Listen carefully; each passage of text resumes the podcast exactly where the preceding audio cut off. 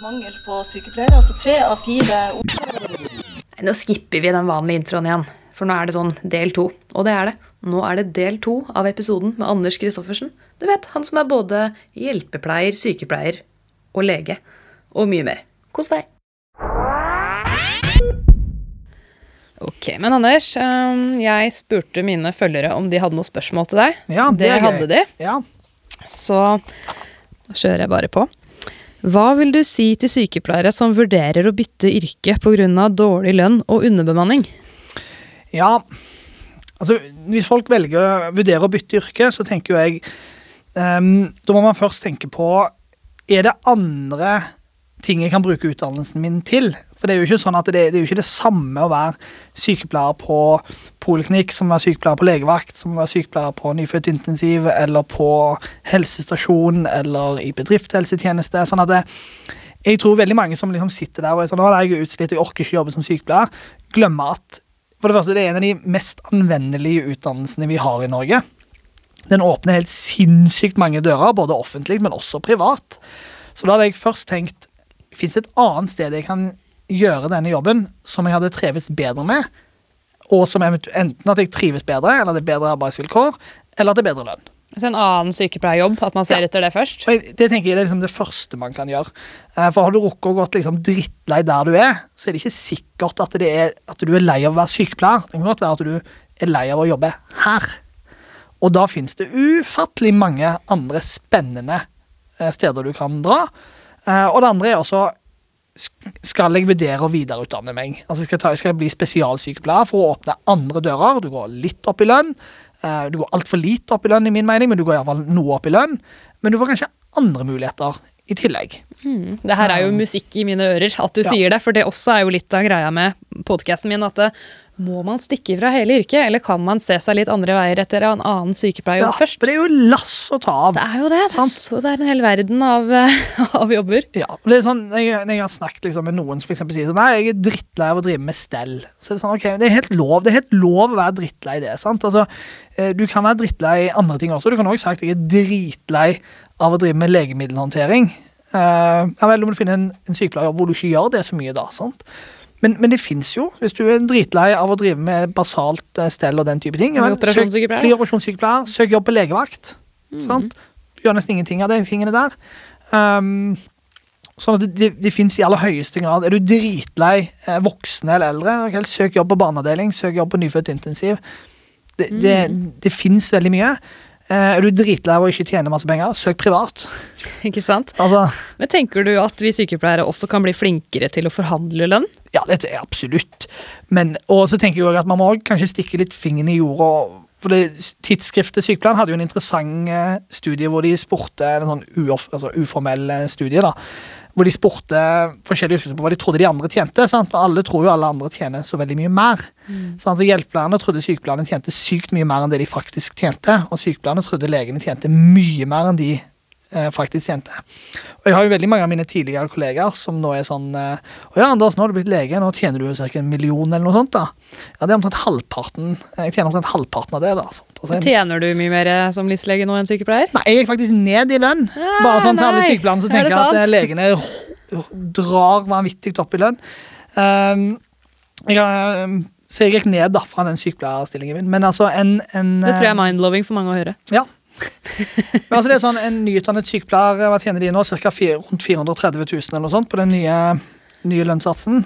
Ish. Den har jeg oppe på telefonen her. Jeg tror, jeg tror det er enda litt mer enn nå, faktisk. Men du, du er ikke så langt unna. Nei. Og en eh, nyutdannet lege som gitt at han har fått LIS1, hvis han ikke har fått LIS1, som 70% ikke får, så ligger de litt lavere, men en nyutdannet lege ligger da på rundt eh, 540. Så det er ca. 100 000 i forskjell, da, som skiller. 100 000 og en million i studielån, liksom. Ja, det, det var det, da. Um, sånn at eh, Så den forskjellen på å gå tre år ekstra er ikke sånn kjempehøy.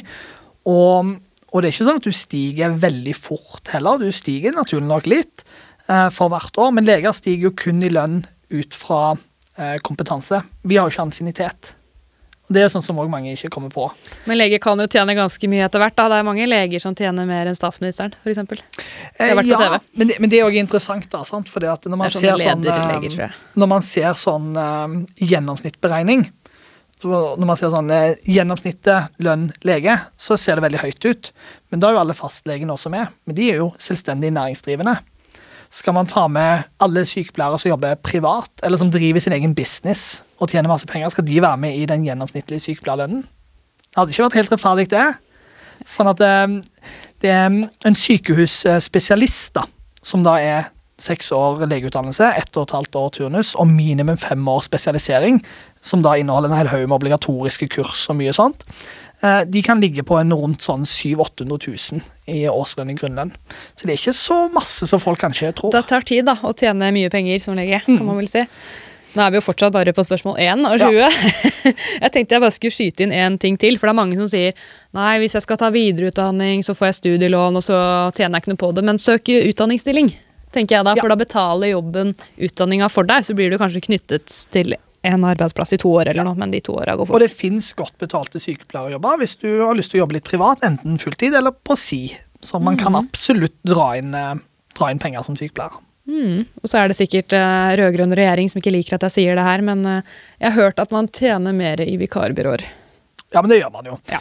Det gjør man jo. Men uh, det finnes jo òg andre private plasser man kan også jobbe. da. Sånn, Så hvis man vil ha en bijobb, så kan jo den bijobben være en privat. Så vil du jo spe på lønnen din ganske mye, da. Mm. Ok, Neste spørsmål. Trives du som lege? Ja, det gjør jeg. Men for meg er det nok litt tidlig å si også, sant? for jeg er jo nå i en, en en Du har ettårsjubileum nå, har du ikke det, som lege? Jo, Ja, jo. Gratulerer. Takk. 1. juni eh, besto jeg statseksamen, så ja, det er stas. Og tiårsjubileum som sykepleier. Uh! Ja.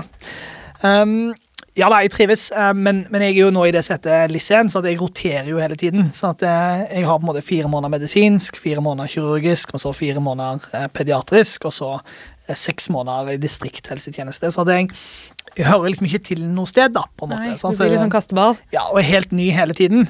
Og når du begynner å komme litt inn i det, så skal du videre. og Når du endelig har blitt kjent med noen, så bare bye Ja, bye. I'm going. Skal ikke du langt opp i nord nå snart? Jo, skal til Berlevåg eh, fra 1. september. i, Berlevåg. Jeg tror ikke mange vet hvor det er. Nei, det er helt i tuppen av Norge, mot Norge begynner å krumme inn mot Russland. Oi, hjelp. Ja, Nei, det går nok fint. Ok. Så ja, jeg trives, men, men det er en utfordrende og ny rolle, da. Ja, men du liker jo utfordringer, har jeg fått Ja. inntrykk av, så det passer kanskje for deg, da. Jo, det gjør kanskje det. Ja. Jeg vet ikke om du har vært borti så mange caser av det ennå, men spørsmålet li lyder sådan. Hvordan vil du håndtere noen som ikke er fornøyd med behandlingen din? Ja, altså Det, det vil alltid skje. Sant? Og det, det, man har jo opplevd f.eks. at man, eh, man ikke finner noe. Man har på en måte undersøkt grundig, og så er det sånn Nei, men eh, så sender man kanskje noen hjem, da, f.eks. fra på, midt på natten eller et eller annet sånt. Og så type, da får man ta videre oppfølging med fastlege, f.eks. Og det er ikke alltid folk er kjempefornøyd med det. Um, men, men jeg føler, altså det er ofte så, hvis de kommer i de situasjonene, snakker med pasienten, så har jeg ofte da konferert med en mye mer erfaren lege bak også, sant, som på en måte er enig, og vi har sett på ting sammen, og kanskje undersøkt pasienten sammen. Eh, Så forklarer jeg litt hvordan ting er, eh, og så er det kanskje den der eh, forventningsavklaringen, sant, at vi kan kanskje ikke løse alt akkurat her og nå, sånn at eh, da må vi eh, vente til måte, vi kan utrede videre, og den utredningen kan man kanskje ta hos fastlegen, starte der. Um, så det kan være en typisk ting. Og jeg føler med god kommunikasjon der og god forklaring, så, så kan det godt være det blir litt misnøye, men jeg føler det blir iallfall mye mindre. Ellers har jeg opplevd et par sånne konflikter rundt f.eks. mengden smertestillende. Uh, og da er det jo sånn at Sykepleieren fungerer jo ofte som en slags buffer mellom meg og pasienten. Så det ofte Det blir noen telefoner her. Pasienten har fortsatt vondt Ja. og har brukt opp sin maksdose. så det, det er nok i mange tilfeller verre for de. Uh, men ofte hvis jeg føler at det begynner å bli mye, så tilbyr jeg meg alltid å komme og snakke med pasienten, fordi jeg vet hvordan det er å være den sykepleieren. Eh, og da gjør jeg litt det samme. Jeg gjør en sånn forklaring av hva eventuell konsekvensen er hvis vi hele tiden skal bare pøse på, og at uh, og kanskje forklare dette med sånn smertetrapp. At vi må bygge oss litt opp, fordi at det er skummelt hvis vi bare plutselig fjerner all smerten, og så bare slukner du. Så jeg føler mye av dette koker ned til kommunikasjon og avklaring av forventninger. Mm. Hvis jeg forstår deg riktig, da, så pleier du da å sette deg ned og snakke med pasienten? Ja, I stor grad. Og å- åpen og ærlig om både mine egne begrensninger og begrensningene til systemet, f.eks. Eller begrensningene til institusjonen. altså F.eks. for eksempel MR. Det er mange som blir dritsure fordi de ikke kan få en MR klokken tre om natten. Men, okay, vi har ingen til å kjøre den maskinen, kanskje. Sånn. Altså, Mm. At man er litt tydelig på at man ikke bare sier nei. Kan ikke bruke litt tid på å forklare. Mm.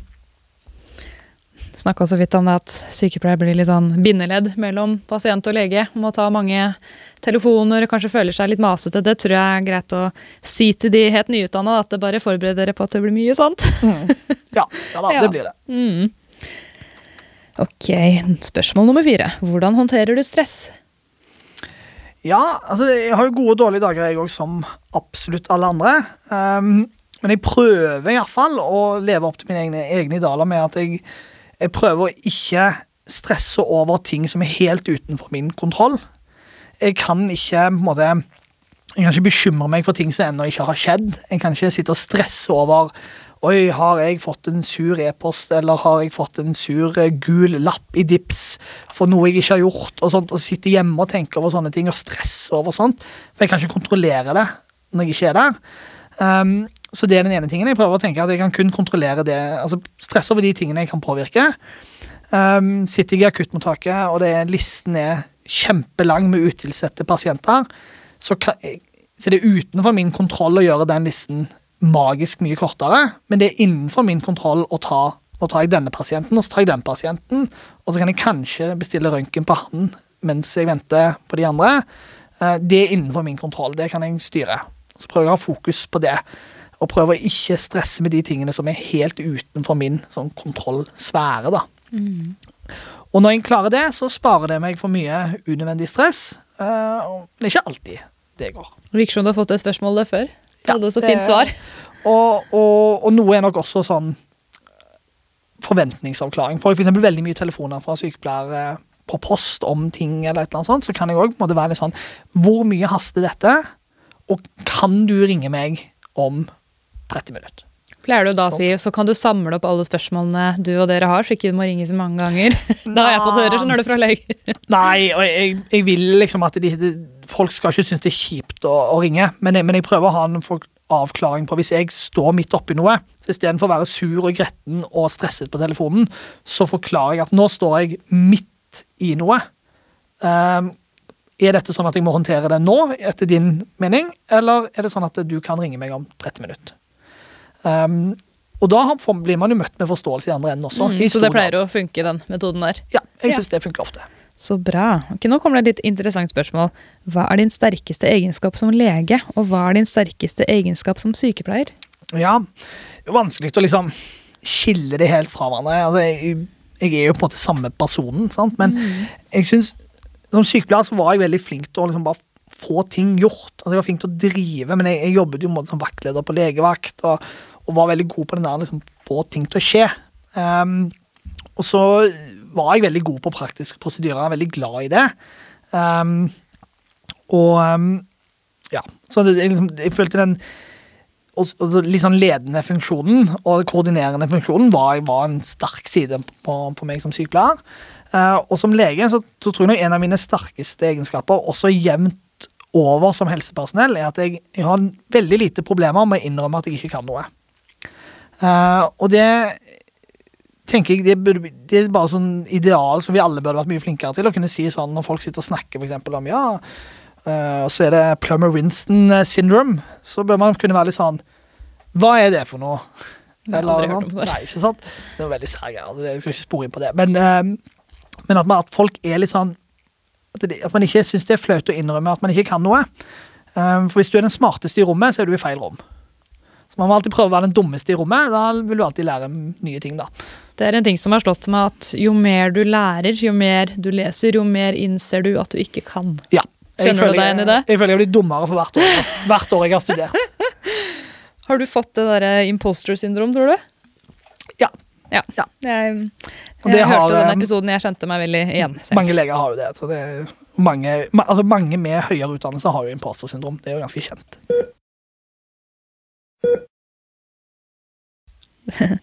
Hva mener du er mest irriterende egenskap hos leger ovenfor sykepleiere? Ja. um, jeg tror Dette irriterte meg når jeg var, var sykepleier, og jeg prøver å være veldig bevisst på det nå. Det er når, når legen omtaler alt som at han selv har gjort det. Når han sitter på telefon og så sier han for sånn Ja, så har jeg tatt et EKG. Ja, så har jeg gitt morfin. Og så har ja, jeg har tatt et røntgen.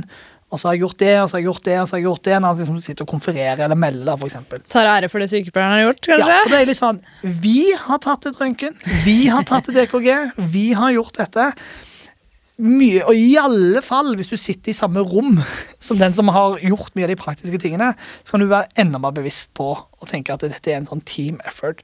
Um, og jeg, jeg husker godt når jeg var, var sykepleier, så sto jeg inne i et rom med en ganske dårlig pasient, og så hadde legen tatt med seg en lege til fordi han var litt utrygg. Og så sier han ja, dette er, vi er litt usikre på hva dette er, derfor så er vi to her nå.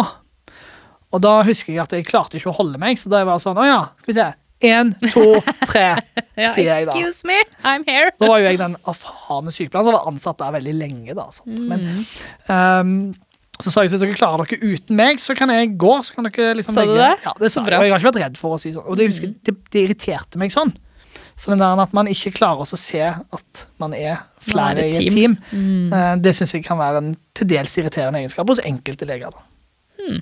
Interessant. Jeg håper eh, forskjellige yrker hører på denne podkasten. Skal vi se. Hva tar du med deg fra jobben som sykepleier inn i jobben som lege for å få bedre samarbeid med sykepleiere? Ja, Um, jeg tror nok at eh, jeg har en litt større sånn systemforståelse av hvordan liksom, sengeposten fungerer, hvordan eh, den daglige driften av en del avdelinger er, eh, og dermed kanskje kommunisere litt bedre med de andre yrkesgruppene også. Um, og så er det nok litt det at eh, jeg kan se hvis det brenner på sykepleiersiden også. At eh, jeg har lagt litt egne venfloner, jeg har hengt opp litt væske sjøl, jeg har tatt blodprøver inne på smitterom, sånn at sykepleieren slapp å ta på seg smitteutstyr bare for å gå inn og ta en blodprøve, eller bare for å henge opp en liter ringer. Så har jeg liksom gjort litt sånne ting for å måte få flyten litt bedre, hvis jeg ser det brenne på den siden. Og Da forventer jeg det samme tilbake igjen. Hvis det brenner på min side, så forventer jeg at de strekker seg langt for å få det skal gå smidig for meg. da. Sånn at jeg tror den egenskapen og det skillsettet til å kunne liksom bidra litt den veien også, eh, er nok kanskje det beste jeg tar med meg inn fra, fra sykepleierkarrieren. da. Så bra. Husker da jeg var i praksis medisinsk, så var det, jeg måtte skifte en bleie på en pasient som var veldig tung, da, som man sier. Det vil si fare for fall, og man trenger flere hender. Da kom det en lege og hjalp meg å skifte av den bleia. Jeg synes det var så hyggelig, for jeg forventa ikke det i det hele tatt. Ja, og det, det bør være helt uproblematisk. Sant? Jeg har fulgt mange pasienter på do som lege. Det, hvis jeg først var inne på rommet, sant, så kostet det meg veldig lite. Ja, Men jeg syns det er så hyggelig når man kan hjelpe hverandre litt sånn på tvers av, av yrkene. Mm. Ja, skal vi se. Hva syns du er det mest interessante innen sykepleieryrket, og hvorfor? Ja, jeg touchet litt innpå det, men, men det mest interessante med selve sykepleieryrket synes jeg er at det er så enormt Det åpner så veldig mange dører. Og jeg tror veldig mange nyutdannede har litt sånn skylapper og liksom tenker ja, sykehus eller sykehjem. Eller så glemmer litt at det finnes en hel verden av mulige jobber. Nå skal man jo opprette et nytt studium for sykepleiere i, eh, i rettsmedisin, Ja, for så det. Sant? Så spennende. Og, og det har jo vært veldig vanlig i mange land i utlandet, eksempel. Altså mange utlandet, utenlandske eh, studier. Men det tror jeg er det mest spennende. At det, det, det, det åpner så masse muligheter, og folk er altfor dårlig til liksom å finne disse sære, gøye, spennende jobbene. Um, og så er det jo en, en, en jobb, et utdannelse, som både gir deg naturvitenskap og samfunnsvitenskap. Liksom god sop i hop og forstå på en måte mennesket. Eh, du får bruk for det nesten uansett hva du skal drive på med. Ja, Man kan si mye om sykepleieryrket, men man kan ikke kalle det kjedelig. Mener nå jeg. Da får du heller eh, bytte jobb. Det er ingen som vil høre revisoren snakke om jobben sin, liksom, men eh, man syns ofte det er ganske gøy når helsepersonell snakker om jobben sin. Det blir noen historier. Ja. Nå får jeg masse sinte e-poster fra revisorer, da, men okay, det er greit. Jeg skal stå i det. De hører ikke på denne podkasten, tror jeg. håper ikke det. Ok, neste spørsmål. Har du et godt råd til kvinne 46 som vil bli sykepleier? Er det for sent? Nei. Det er ikke, ja, jeg har et godt råd, og nei, det er ikke for seint. Altså, jeg hadde folk som var på, både på slutten av 40-årene, jeg hadde en på 50 år som gikk medisin samtidig som meg. Sånn at det, altså det er tre, Hvis du er 46 år da, så hopper du på sykepleierutdannelsen, eller er du 49 når du er ferdig. Du har ennå godt over ti år med yrkesaktivitet igjen, så hvis du har lyst til det, så tenker jeg at det bare kjører kjøre på. Jeg har møtt mange godt voksne som har tatt uh, sykepleien i, i godt voksen alder. Jeg tenker Det er helt uproblematisk. Mm, Det er, det er bare tre år. Det Ja. går fort. Kvinne 46, hvis du hører på, velkommen til yrket. Bare søk, vi heier på deg. Mm. Har det påvirket deg noe som person å ha jobbet i et kvinnedominerende yrke i så mange år? Hvordan var du i så fall før du begynte i helsevesenet? Altså, det er jo vanskelig. Altså, jeg føler jo jeg begynte i helsevesenet da jeg var vel 16-17, så det er jo nesten ikke vært et uh, Altså, det er jo over halve livet, da. Um, nei, altså, jeg tror ikke jeg har blitt noe påvirket av å, å Kjenner jobbe- ikke til noe annet, si. Jeg kjenner ikke til så mye av. Eh, klart, man, man, kommer, ikke utenom at, eh, at jobben former personligheten og litt sånt. Eh, og jeg har veldig mange kvinnelige venner eh, på bakgrunn av at det er kollegaer og liksom det, liksom det miljøet man har vanket i. Eh, men eh, nei, jeg tror, det var litt vanskelig å svare på. Jeg tror ikke jeg har blitt noe Verken positivt eller negativt eh, formet av å være et kvinnedominert yrke. Men jeg har jo igjen jobbet veldig mange steder hvor forutenom nyfødt intensiv, så har jeg jo jobbet steder hvor vi har vært ganske mange menn. Jeg har jo opplevd å vært på jobb hvor vi bare har vært menn på jobb også. Jeg føler det er sånn typisk eh, psykiatrien og akuttmottak. Det er Ja, like legevakt eh, Mm. og sånt, og ambulanse og sånt. Jo. Og det er veldig fint når man bare er menn på jobb, både på lege- og sykepleiersiden. Det, sånn, eh, det ser ikke ut, men eh, det blir gjort veldig mye gøy. Det er jo det er fint at man har det gøy. Åh, jeg glemmer hvor jeg er hele tiden. Skal vi se, her er jeg nå. Er det noe du ser som sykepleiere kunne forberedt seg på eller vært bedre på i samarbeid med legetjenesten? Ja, altså Hvis man spisser det med å si altså, hvordan kan man få et bedre samarbeid da, med lege og sykepleier, så, så tenker jeg at det har litt med forståelse for hverandres hverdag og, og jobb. Um, for eksempel, jeg merket jo det når jeg hadde kirurgisk rotasjon, og da gikk eh, sånn 16-17 timers vakter, så er det jo litt med at man kanskje da har den forståelsen av at hvis jeg da har vakt i mottaket i 16 timer, så blir det som at jeg går først en kveldsvakt, og så går en nattevakt. da. Det er jo det som er realiteten. Dobbeltvakt. Ja, dobbeltvakt. Um, og så jobber jo kanskje jeg nonstop i mottaket, men så, så ringer de kanskje fra sengepost, for eksempel, da, eh, til legen. Og, og da kanskje ha den forståelsen for at den legen du ringer, står kanskje midt oppi et traumeteam, eller han står kanskje midt og setter en uh, femoralisk blokade, eller står inne hos en dårlig pasient. Um, og litt sånn på en måte hvor mye altså man kan av, avklare hvor mye haster dette, er jo kanskje en ting. Um, og at man kanskje også har en forståelse for at um, at uh, det er ikke nødvendigvis sånn at det er veldig enkelt å svare på et spørsmål. Hvis jeg har tatt imot 18 pasienter, og noen ringer og spør meg om en av de, så er det ikke sånn at jeg nødvendigvis kobler nøyaktig hva skulle vi gjøre der, eller hva forordnet jeg sånn og sånn og sånn. Uh, og da trenger jeg en del informasjon om pasienten, for eksempel, og hva det går i. Um, så jeg tenker kanskje litt sånn forståelse for den andres yrkeshverdag, eh, tenker jeg man kommer langt med. Uh, og så er det jo dette med hva man eventuelt ikke skal ringe for. da, for Man må huske på at eh, i fall de legene som for er sånn sekundær- og primærvakt på medisin, dekker kanskje veldig mange sengeposter. da. Og da er jo spørsmålet Jeg syns alle skal spørre seg sjøl sånn Må jeg ringe om dette nå? Samtidig så er jeg veldig opptatt av at man skal absolutt aldri være redd for å ringe legen. Noen gang. Uansett tid på døgnet og alt sånt. Men um, det hender jo at jeg har blitt ringt med ting som står øverst i innkomsten min, for eksempel.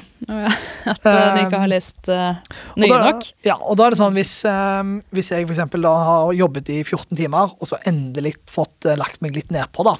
Og det er jo tingen, altså Når man går veldig lange vakter, så har man også noe mulighet til å hvile dersom alt er gjort. Mm. Sånn, det er jo premisset, da.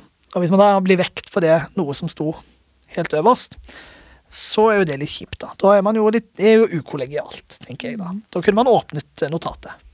Oppfølgingsspørsmål til det da, med å ringe når man skal gi informasjon. Eh, Syns du flere sykepleiere bør ta i bruk ISBAR-modellen når man skal ringe? Ja. Det er, altså, om, om man bruker ISPAR eller ikke, det er jo en ting, men at man i hvert fall strukturerer informasjonen sin. Jeg liker jo at når folk ringer, og dette blir jo litt sånn ISPAR, at man må si hvem de er. sant? Hvor de ringer fra, og så på en måte hva det gjelder. Og så liker jo jeg at de også har tilgang til mer informasjon. Så hvis de ringer, så er det fint at de kanskje sitter med DIPS åpent med pasienten og medisinkurer og sånt åpent. For det er ikke sikkert jeg gjør det, hvis jeg står midt oppi noe annet. Og da må jeg kunne spørre mer spørsmål og få svar på de tingene. Eh, Så det en måte, Og har gjerne satt seg litt inn i problemstillingen. Og, og så mener jeg, og dette spør jeg nesten alle som ringer meg om, så spør jeg hva mener du? Veldig ofte så, så kommer jeg spør jeg tilbake igjen med sånn hva tenkte du? Hvis de ringer og spør jeg kanskje pasienten skulle hatt noe smertestillende, så spør jeg kanskje sånn Ja, tenkte du på noe spesifikt? Hva tenkte du, hvilken type? Eller Og så spør jeg alltid er han allergisk mot noe. Og hvis de da er sier nei, jeg må gå og spørre pasienten og ringe opp igjen, så, så, så, så er det dumt. sant? Ja. Det skal man ha spurt om på forhånd. Men ja, så Da er du inne på den R-en da, i ISBER, den som heter råd. Fordi mange tror at det bare må være råd fra legen, men det kan også være råd fra sykepleieren, en som, eller den som ringer. da, At jeg tenker det og det, og jeg ville foreslått det og det. Er du enig? Uenig? For det, det, er jo, det er jo teamwork. sant? Man, skal på en måte, man skal jo samarbeide om det, disse tingene. Så jeg mener man, man må ha satt seg litt inn i ting før man ringer.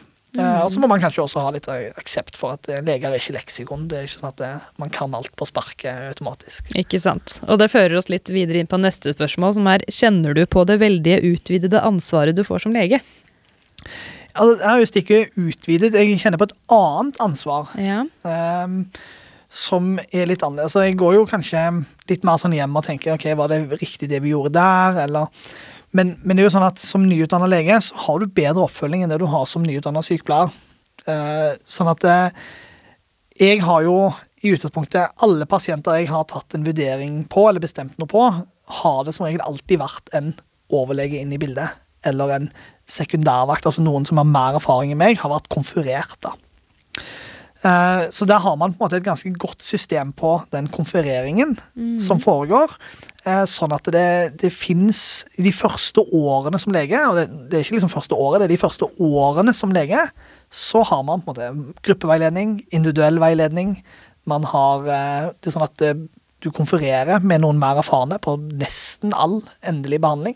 Eh, og så tar man gradvis min, litt, noen små avgjørelser helt sjøl, og så tar man litt og litt og litt greier. Men på de store linjene har jeg konferert med noen mer erfarne. Så du har noen du kan lene deg på? Ja, Så bra. I stor grad. Ja, for det, sånn virka det jo ikke helt som hun følte da, hun fra den artikkelen som jeg sendte deg. Hun følte seg ganske alene. Er det litt forskjellig fra sted til sted åssen oppfølging man får? Ja, det er det jo. Det er jo veldig forskjellig fra sted til sted hvor store sykehusene er. sant? Så på, no, på store sykehus så er det jo kanskje sånn at man har turnuslege eller LIS1 da, på jobb sammen med flere erfarne leger i tillegg på f.eks. nattevakt. Mens på mindre sykehus er det kanskje sånn at eh, man har en LIS-lege som er på jobb alene. Også, og så- Bakvakt må man ringe. så er bakvakten hjemme. sant? Um, mens på store sykehus er det jo ofte sånn at LIS1-legen er på jobb, primærvakten er på jobb, sekundærvakten er på jobb, og så er det en erfaren spesialist som er bakvakt for hele gjengen. Den er hjemme. Det er litt tryggere, er det ikke det? Jo, det er det jo. Så ja, kjenner på en, et annerledes ansvar, men, eh, men jeg kjente på veldig mye ansvar som, som sykepleier også. Ja, kjære vene. Det er uh, mer enn å bare ta en jus. Ja, absolutt. Tar du med deg noe lærdom fra de små pasientene dine? Ja, da tenker jeg jo at uh, nyfødt intensiv kanskje sikter Ja, eller pediatrien til, eller generelt. Pediatrien. Er det noe av pediatrien du tror du kan ta med deg inn uh, når du skal jobbe med voksne igjen? Mm, altså, unger er jo, eh, er jo ve- veldig gode på å kommunisere, sant? fordi de er ærlige. De, de Hvis du først får kontakt med dem, så forteller de deg på en måte sånn som det er. Det er litt mer sånn ufiltrert. Uh, og så ser man jo at uh, man får veldig mye igjen for uh, å være litt sånn åpen og spørrende og kommunisere med barn. Så får man veldig mye igjen for det.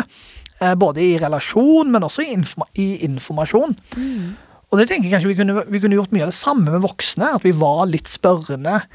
Eh, på barn så legger jeg jo inn mye mer når jeg, når jeg tar innkomster eller undersøker barn. Så spør jeg jo mye mer sånn Ja, hva er yndlingsfaget ditt på skolen? Eller eh, hva er yndlingsmaten da? Eller Det kommer en del sånne fyll-spørsmål innimellom alle de andre tingene.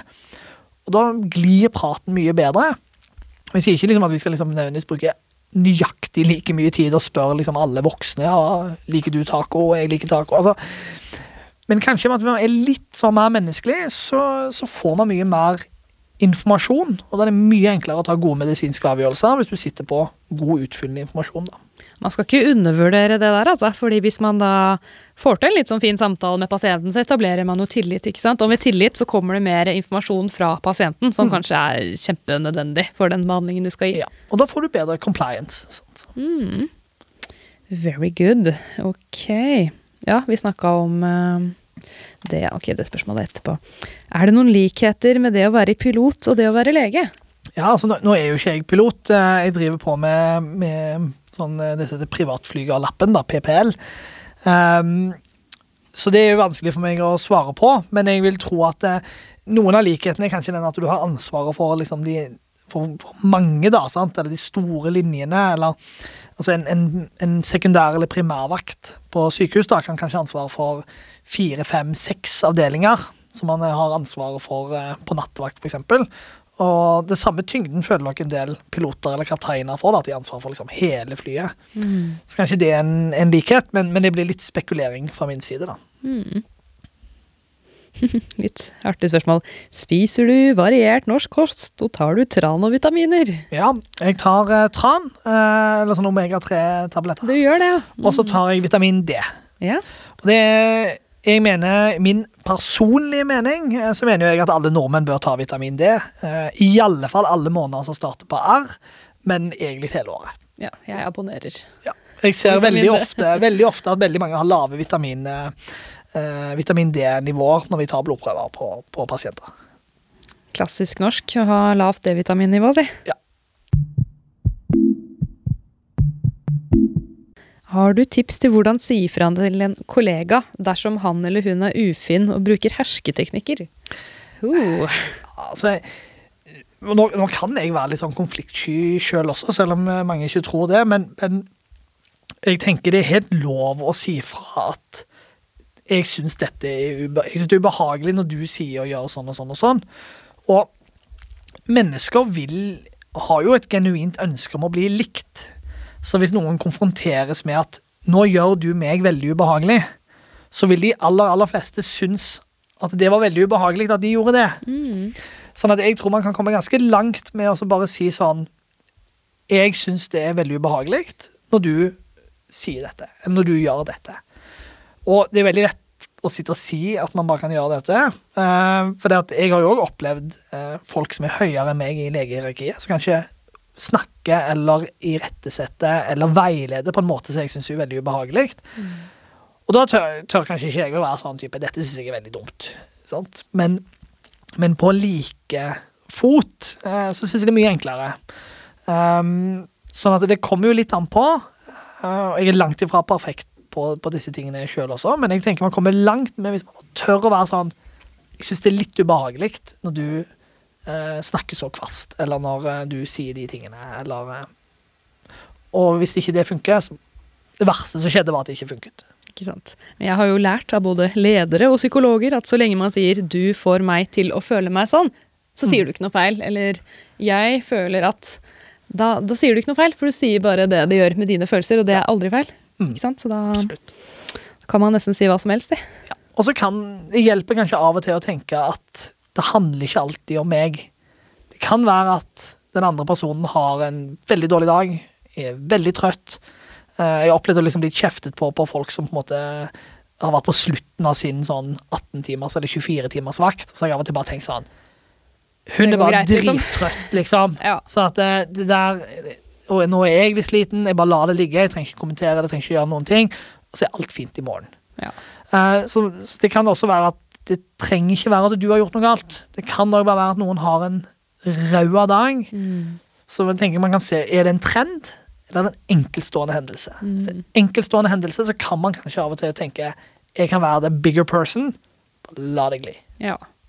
Men er det gjentagende frekk og ufin oppførsel, da, så er det kanskje greit at den personen får en heads up. Hvis ingen sier ifra, hvordan skal personen da vite at den oppfører seg som en kødd, da? Ja, og det er også ukollegialt å ikke si fra. Det er jo egentlig det. La noen gå rundt og oppføre seg som en person man kanskje ikke vil være, da. Ja. Og så har man tillitsvalgt, man har verneombud, og man har leder som man kan støtte seg på hvis man syns dette er veldig ubehagelig. Man kan det, men da får man ofte høre Det aller beste er hvis du tar det opp med personen selv. Ja, det, dessverre kanskje sant. Ja. Nå er vi snart gjennom, altså. Ja, det går bra, dette. Ja. Nå har du tatt alle disse helseutdanningene. Det er forfatter, gründer snart pilot. Hva blir den neste, og hvor får du energien fra? Ja, nei, nå tror jeg jeg begynner å bli ferdig, da. Altså, Ja. det, mm, det er alltid ting som er gøy, og det er alltid prosjekter og alltid noe kurs og litt sånne ting. Og, og det neste blir jo naturlig å spesialisere seg som lege. Det må du til en viss grad. Um, så det blir jo uansett det neste trinnet. Velge en spesialitet og måtte bli det. Um, så er det alltid noen eh, bokplaner og bokideer og sånt. Um, en sykepleiers hverdag solgte jo veldig godt, uh, og måtte, har, fått, uh, har fått mye gode tilbakemeldinger på han, så det gir jo litt mer smak, og kanskje skrive en bok til. Ja, Kommer det oppfølger en Lis-leges hverdag? Jeg skal aldri si aldri på det. Jeg har diverse bokideer, da. Så jeg kan holde Ja, kortene litt, eh, litt uh, til brystet ennå, men uh, um, Og så det dette med energi. For det, jeg har ikke noe mer energi enn andre. Jeg er nok veldig rastløs. Nok litt sånn udiagnosert ADHD, helt sikkert. Um, men jeg har akkurat like mange timer i døgnet. Jeg har like mange dårlige dager. Jeg har like mange bortkasta dager. Jeg har dager hvor jeg liksom, eh, eneste jeg har gjort, er å sitte hjemme og spille litt Skyrim eh, på PlayStation og kaste vekk en hel dag. Og sitte på slutten av dagen og liksom være forbanna fordi at dette var bortkastet. Så det, jeg òg gjør de tingene. eh, sånn at Og det er veldig fort gjort når man ser på andre, så tenker man at liksom alt har klaffet så godt for de. Men, men jeg har jo brukt lang tid på ting. Jeg tok et friår på legestudiet fordi jeg gikk dritlei. Eh, så jeg brukte jo da lengre tid enn normert tid. sant? Eh, um, sånn at det, er ikke sånn at alt bare liksom er smooth sailing. Du kan det, kan kanskje ha noen breakdowns innimellom, du òg? ja, altså jeg har jo brukt skitlang tid på å skrive boken, eksempel. Og, og, jeg, og folk ser jo ingen, altså Jeg har gitt ut en del artikler, men folk ser ikke alle de som har blitt kastet i søppelet. sant? Ikke sant? Så det, det skal man jo ha et bevisst forhold til når man ser ting på sånn, sosiale medier og ser liksom hvor energisk folk er og hvor mye folk får til og sånt. Man ser jo kun det de vil at du skal se, og så ser man kun liksom det man, Ofte ser man det man vil se også. sant? Så når jeg scroller gjennom, så er jeg sånn Alle trener mer enn meg. Alle er på mer fjellturer enn meg. Sant? Alle reiser mer meg. Sant? Det Jeg ser jo veldig sånn ut Ja. på sosiale medier. At Jeg alle gjør kule sånn, ting hele tiden. tiden. Sånn at eh, Så man skal være litt obs på akkurat det, da. At man ikke passer på at liksom For det er jo eh, Jeg tror vi alle sammen har i bunn og grunn de samme mulighetene og sånt. Og, og vi velger jo litt hva vi liker å gjøre, og hva vi bruker tiden vår til. Og, Mm. Hva gjør deg lykkelig? ja, si det.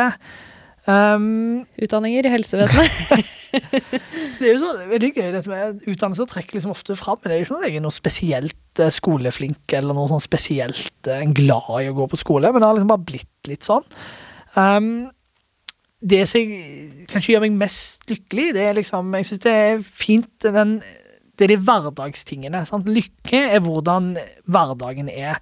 Ferier og ekspedisjoner og lange turer og mongolrally, altså alle sånne type ting. Det er noen uker av året. Det er noen uker av et tiår. Um, lykke og hverdagen er liksom hvordan møter kona deg med døra? Hvordan er middagen? Hvordan er, eh, hvordan er det når man spiser frokost sammen?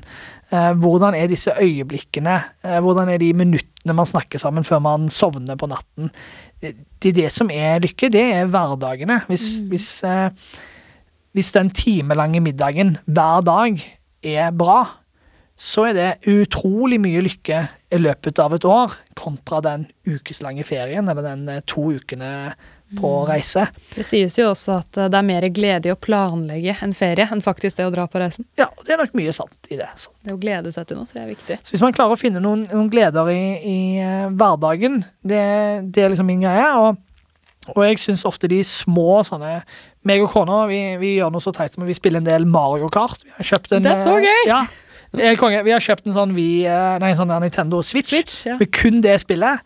Uh, og så spiller vi litt sånn Mario Kart innimellom. Og, og, og da merker du at kobler av, jeg slapper av, det er gøy, vi har det gøy sammen. Det er en sånn perfekt kombinasjon av at jeg både syns det er gøy med Mario Kart, jeg får gjøre noe med henne. eh, hun er gira, jeg er gira, alle smiler og ler. Uh, og så skyter hun et blått skjell på meg, og så er helvete ute. Men, eh, men Så det er liksom hverdagen gir meg mye lykke, altså. Og så gøy at du nevnte Mario Kart, for jeg har tenkt på det siste dagene at jeg har jo Nintendo Switch Ja. og Mario-spill. Jeg har ikke brukt det på en evighet. Nå må jeg bare Vet du hva, det skal jeg gjøre når jeg kommer hjem. Da skal jeg spille Mario Kart. Helt konge. Jeg sjekker Insta, jeg. Hva er ditt beste overall-tips til sykepleiere?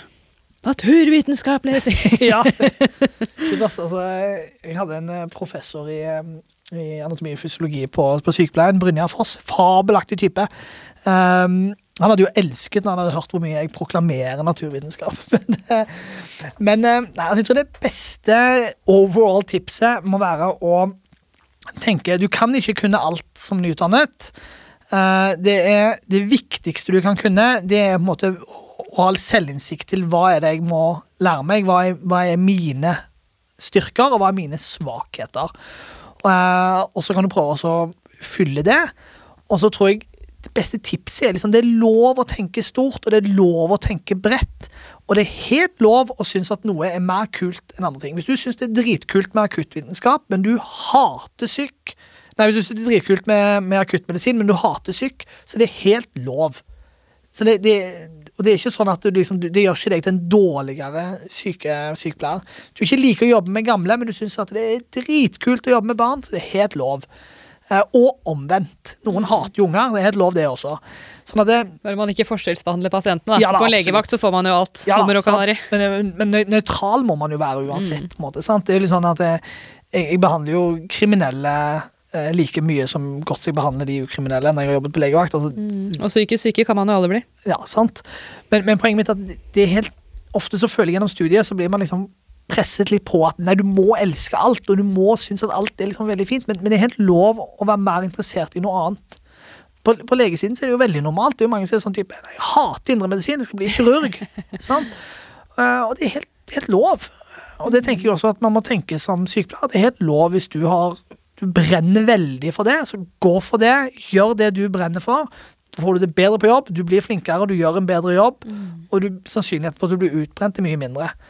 Um, Viktig med litt passion. ja, og ingen kan, skal kunne ta deg for det at du ikke liksom syns at Du må ikke elske alt et yrke innebærer. Kan jo ikke bli like god i alt heller. Nei. Mhm. Hvor lenge har vi holdt på nå? Du har denne stoppeklokka der. Jeg tror vi har holdt på halvannen time. Da, da blir det to episoder. vi er gjennom alle Q&A, men jeg ser at jeg har glemt å stille deg de faste spørsmålene, som jeg pleier å gjøre helt i starten. Eh, det ene har du egentlig svart på, hvorfor du ville bli sykepleier. Da, fordi du, du ble bitt av basillen på hjelpepleien. Mm. Men Trodde du det på forhånd, at du kanskje kom til å gå videre som sykepleier? Da du først begynte som hjelpepleier? Ja, ja, det tror jeg. Ja. Ja. Hva ville du valgt å bli dersom du ikke skulle bli eh, alt det du er? Hvis du ikke skulle bli helsepersonell, da, hva ville du blitt da? Ja, det er ganske morsomt du spør om det, for det pleier jeg å spørre folk om. Uh, for jeg syns det er interessant å se hva folk svarer. Det er mange som bare Nei, da har jeg ikke noe anelse om hva jeg skulle bli. Er det mange Ja. som svarer da? Altså, jeg er jo jeg er jo sertifisert klatreinstruktør og litt sånt da, og drev jo ganske mye med liksom friluftsliv og, og den type ting, så jeg tror kanskje at hvis, hvis jeg liksom, og jeg har jo dratt mye på ekspedisjoner og lange, lange turer og sånt, så jeg tror hvis jeg ikke skulle vært helsepersonell, så tror jeg kanskje jeg hadde gått for å jobbe innenfor friluftsliv, guiding, den type ting. Um, jeg tror kanskje det, eller, um, eller politi eller et eller annet sånt som er litt sånn operativt. Mm. jeg tror kanskje liksom det er de to tingene jeg hadde endt opp som. Noe sånt. Bra svar. Hva er ditt beste tips for å koble av etter jobb slash studier? Det er mange som lurer på det, derfor har jeg valgt å gjøre det til et fast spørsmål. Ja, altså det å koble av etter studier og, og jobb, jeg syns det er viktig å Og dette er ikke jeg heller kjempegod på, men jeg prøver jo iallfall. Og på en måte bolke opp tiden sin litt. Da? At eh, Når du er på jobb, så er du på jobb. Når du har satt deg i bilen, eh, så tenker jeg at eh, bilen, bilturen hjem, eller bussturen hjem, det kan være litt sånn OK, nå må jeg bli ferdig med disse tingene. Legge det fra meg. Jeg skal ikke bekymre meg over det. Jeg skal liksom ikke sitte og angste over det jeg har gjort på jobb nå. Fordi det har kommet andre folk og overtatt for meg på jobb. Når jeg går fra jobb, så vet jeg det er andre leger som er på jobb, andre sykepleiere, det er noen andre som passer på. Da må jeg kunne gå hjem, og så må jeg legge jobben fra meg. Klarer å gi litt slipp, liksom? Klarer å gi slipp. Og du må du være litt bevisst på det, at det, det står ikke og faller bare på deg. Det er andre som kommer og, og overtar. Um, og så når man da kommer hjem, så er det jo fint at man kanskje har um, at man, Det er fint hvis du har noen hobbyer. da, sant? Altså Liker du å lese, eller liker du å liksom game? Jeg gamer litt av og til hvis jeg føler jeg har veldig sånn, mye tankekjør og tenker veldig mye på bekymringer og sånt. Så har jeg en eh, PlayStation som jeg da liksom gamer litt på da, for å liksom koble helt ut. Um, men det absolutt beste jeg, jeg gjør, det, det, er å jogge. For da kan jeg ikke gjøre så mye annet. Da kan jeg ikke sjekke mobilen, jeg kan ikke liksom stresse over ting. og sånne ting da. Så det har liksom ofte vært min, min ting. da. Men er jeg litt sånn utslitt, så blir det jo, blir det jo gamingen, da. Gaming eller løpet er to veldig forskjellige ting, veldig men det ting, kan funke på samme måte. Det funker. Men, jeg, men mm. poenget er liksom å kanskje ha en litt sånn go to-greie, da. Uh, om, om, det liksom er lydbok eller en serie eller en bok eller å være med venner. Men at det, og hvis det er dritkjipt, så syns jeg det er lurt å ta en telefon. Da ringer jeg og snakker med noen. Ikke nødvendigvis om det som er kjipt, men da ringer jeg bare og snakker om uh, whatever. Mm. Så man må passe på å ikke gå liksom, og gnage på jobben hjemme. da. Nei, det er lurt å finne noe helt annet å gjøre. Mm. Mm. Da er vi igjennom, altså. Ja. Er det noen siste ting du sitter inne og brenner med som du vil uh, få ut? Eller skal vi holdt på å si legge på røret? Nei, har vi ikke vært gjennom uh, mye, da. Er du fornøyd? Jeg er veldig fornøyd. Ja. Så da sier jeg bare Anders, tusen takk for at du kom og gjesta podkasten min. Veldig hyggelig å få være med. Kult. Så det er kult du har starta en, en sykepleierpodkast. Jeg syns det er skikkelig gøy. Ja. Okay. Bra. Takk for at du hørte på Hjelp, jeg er sykepleier hvis du likte episoden, blir jeg veldig glad hvis du vil anbefale den videre til en venn, kollega eller andre du tror kan få glede av podkasten. Hvis du vil gi meg tips, tilbakemeldinger eller komme med ønsker for podkasten, så kan du enkelt sende meg en DM på Instagram. Der heter jeg 'Hjelp, jeg er sykepleier', med understrek mellom hvert ord. Takk til Kubrix for studio og utstyr, og takk til Philip Østli for klipp og musikk.